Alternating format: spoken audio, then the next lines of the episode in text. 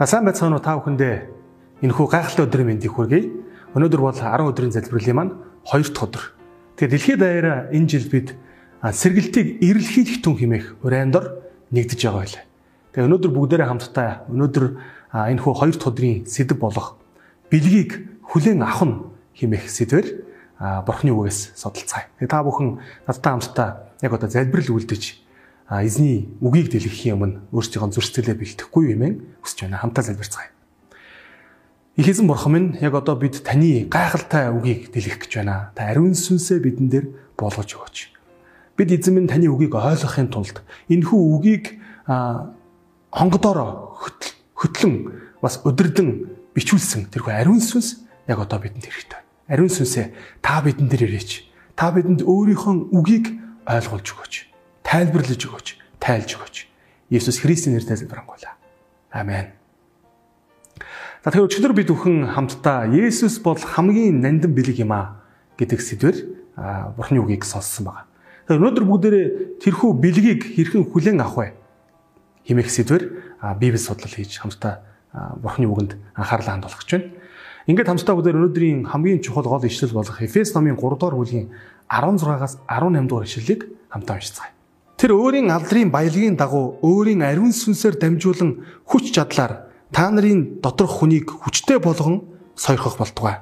Ингиж итгэлээр Христ та нарын зүрхэнд нутаглаж та нар хайр дотор үндэслэж суурлаад бүх ариун хүмүүсийн хамт тэр хайрын ямар өргөн урт өндөр хийгээд гүн болохыг ойлгох болтугай.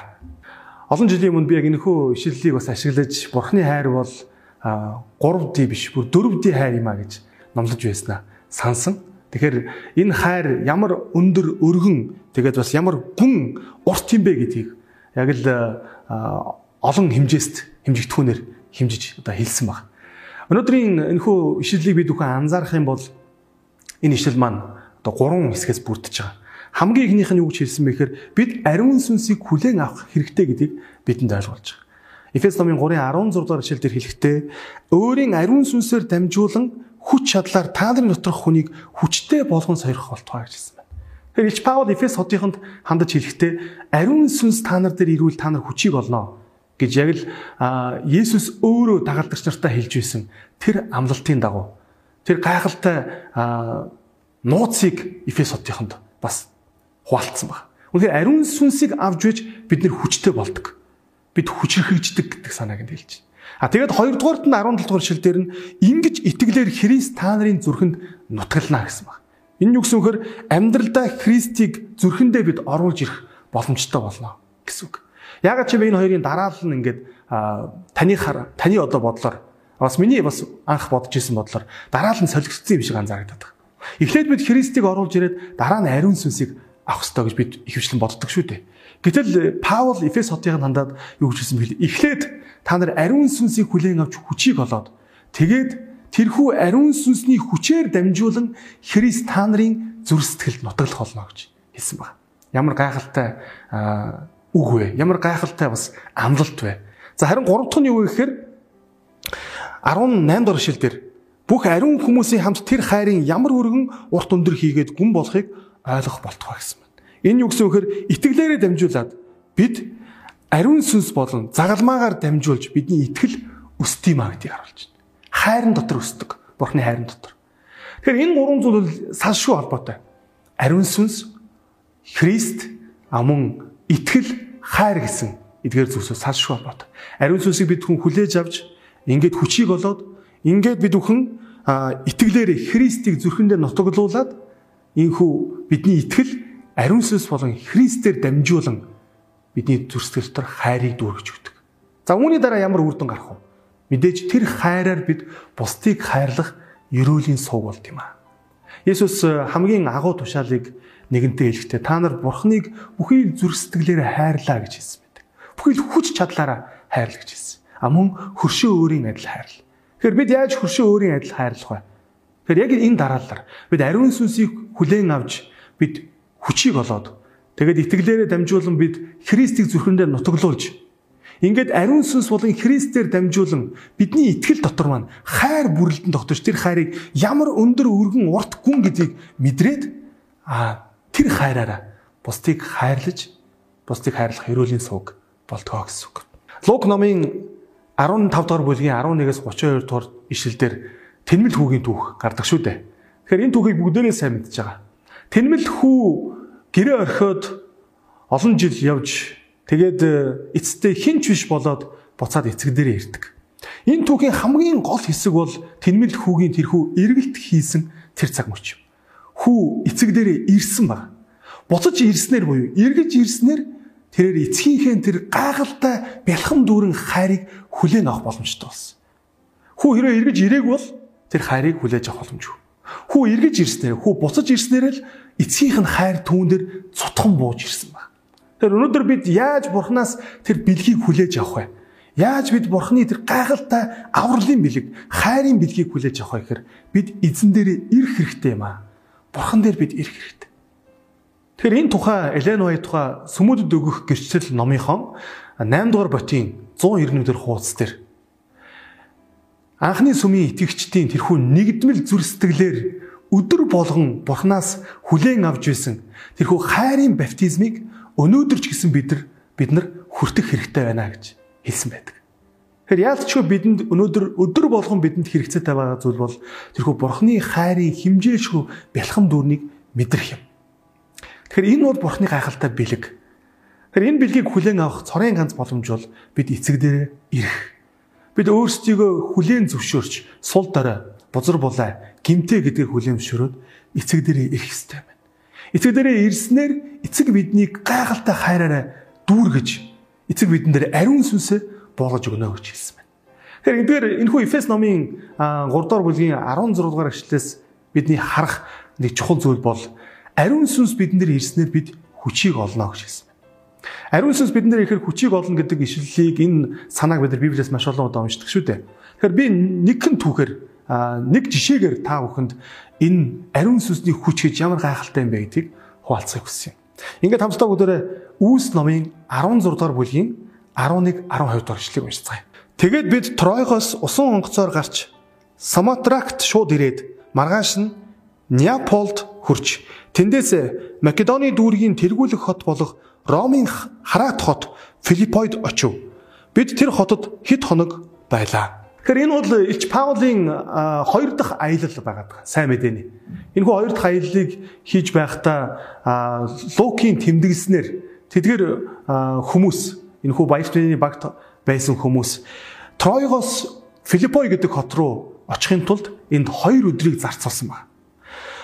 Бид хэрвээ газар зүүн байршлаар нь харах юм бол Тройгоос Соматракт гэдэг хот хүртэл 70 милийн зайтай байт юм байна.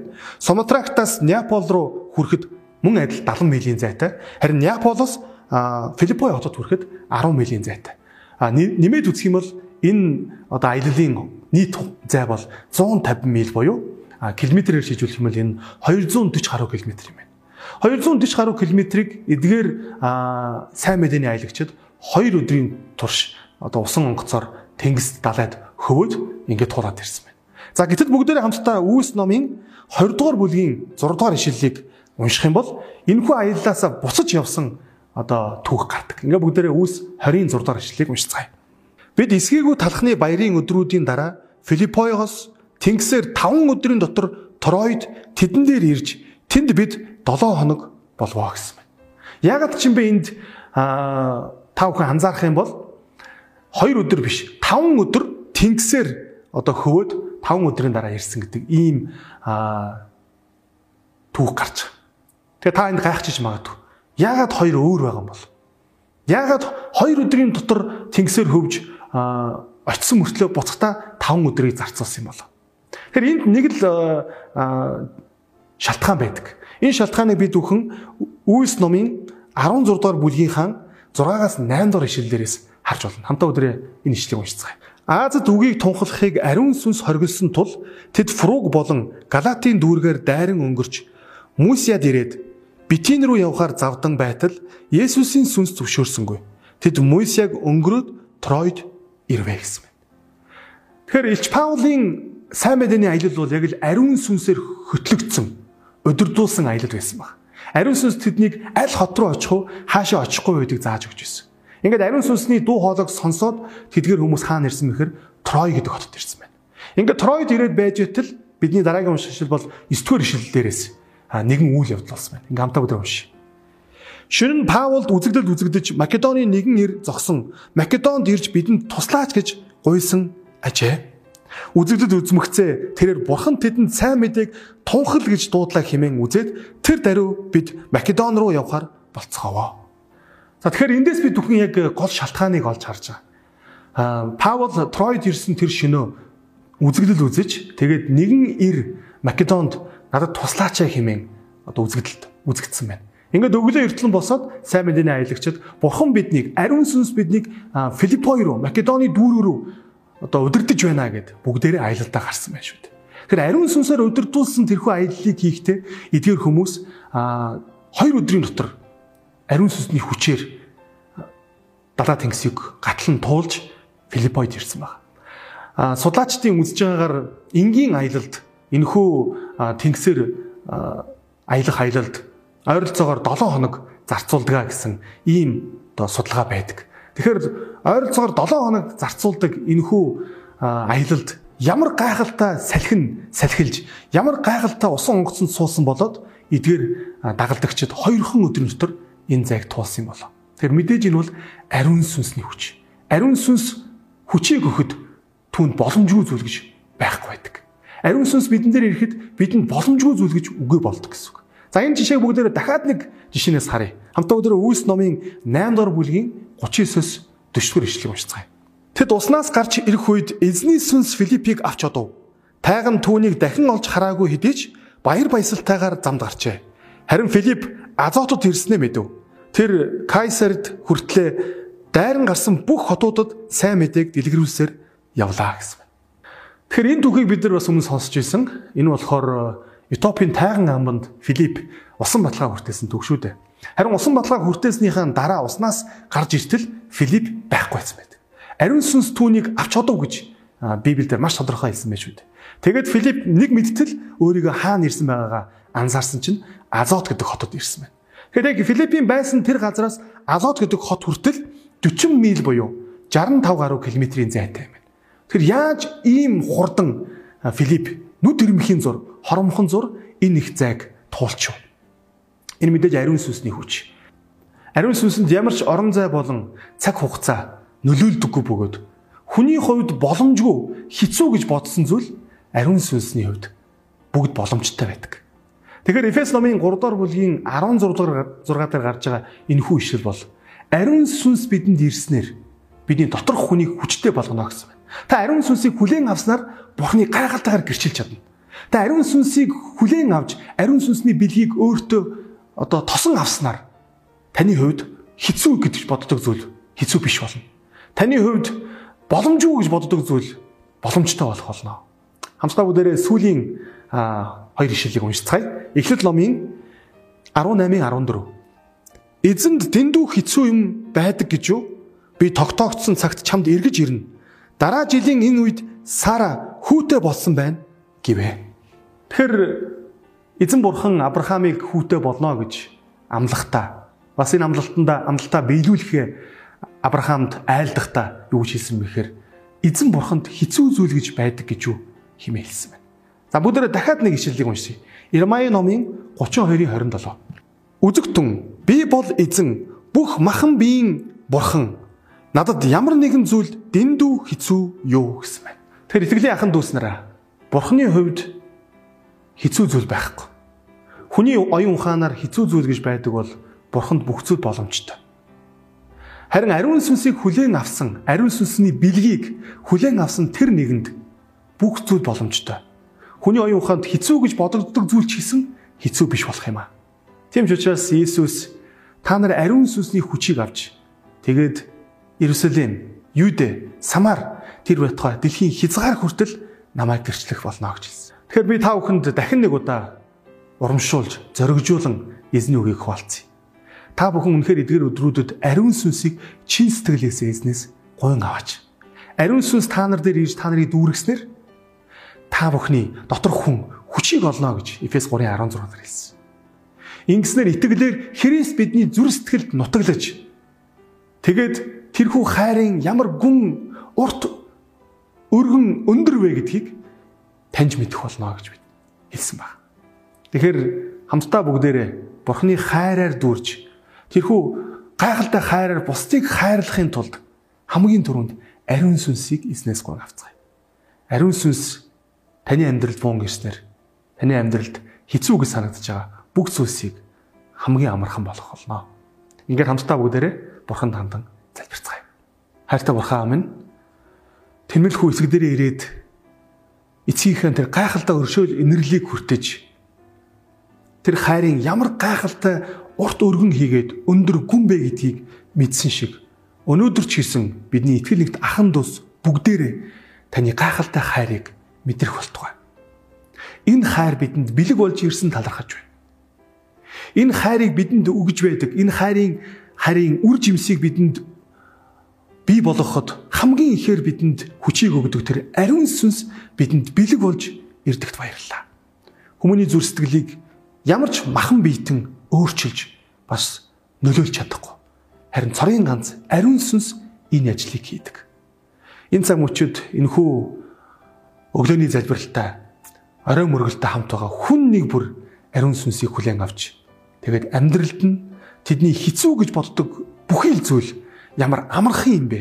Ариун сүнстэй хамт байхад ямар амархан юм бэ гэдэг тэр гайхалтай мэдрэмжийг зөвхөн мэдрэмж төдвөө төдийгүй энэ гайхалтай гэрчлэлийг амьдралдаа хүлээн авах болтугай. Тийм ээ. Ариун сүнсээ та бидэн дээр хур бороо мэт, гал мэт асгаран бугаач. Энэ бүгдийг би Есүс Христосийн нэрээр залбирanгуйлаа. Амен. За ингээд хоёр дахь өдрийнхөө мөргөлтөд хамт байсан та бүхэндээ баярлалаа. Та бүхэн маргааш өглөө 7 цагаас өглөөний залбиралтайгаа хамт байгаарай гэж хүсэж байна. Бурхан та бүхнийг эвхэлтугай.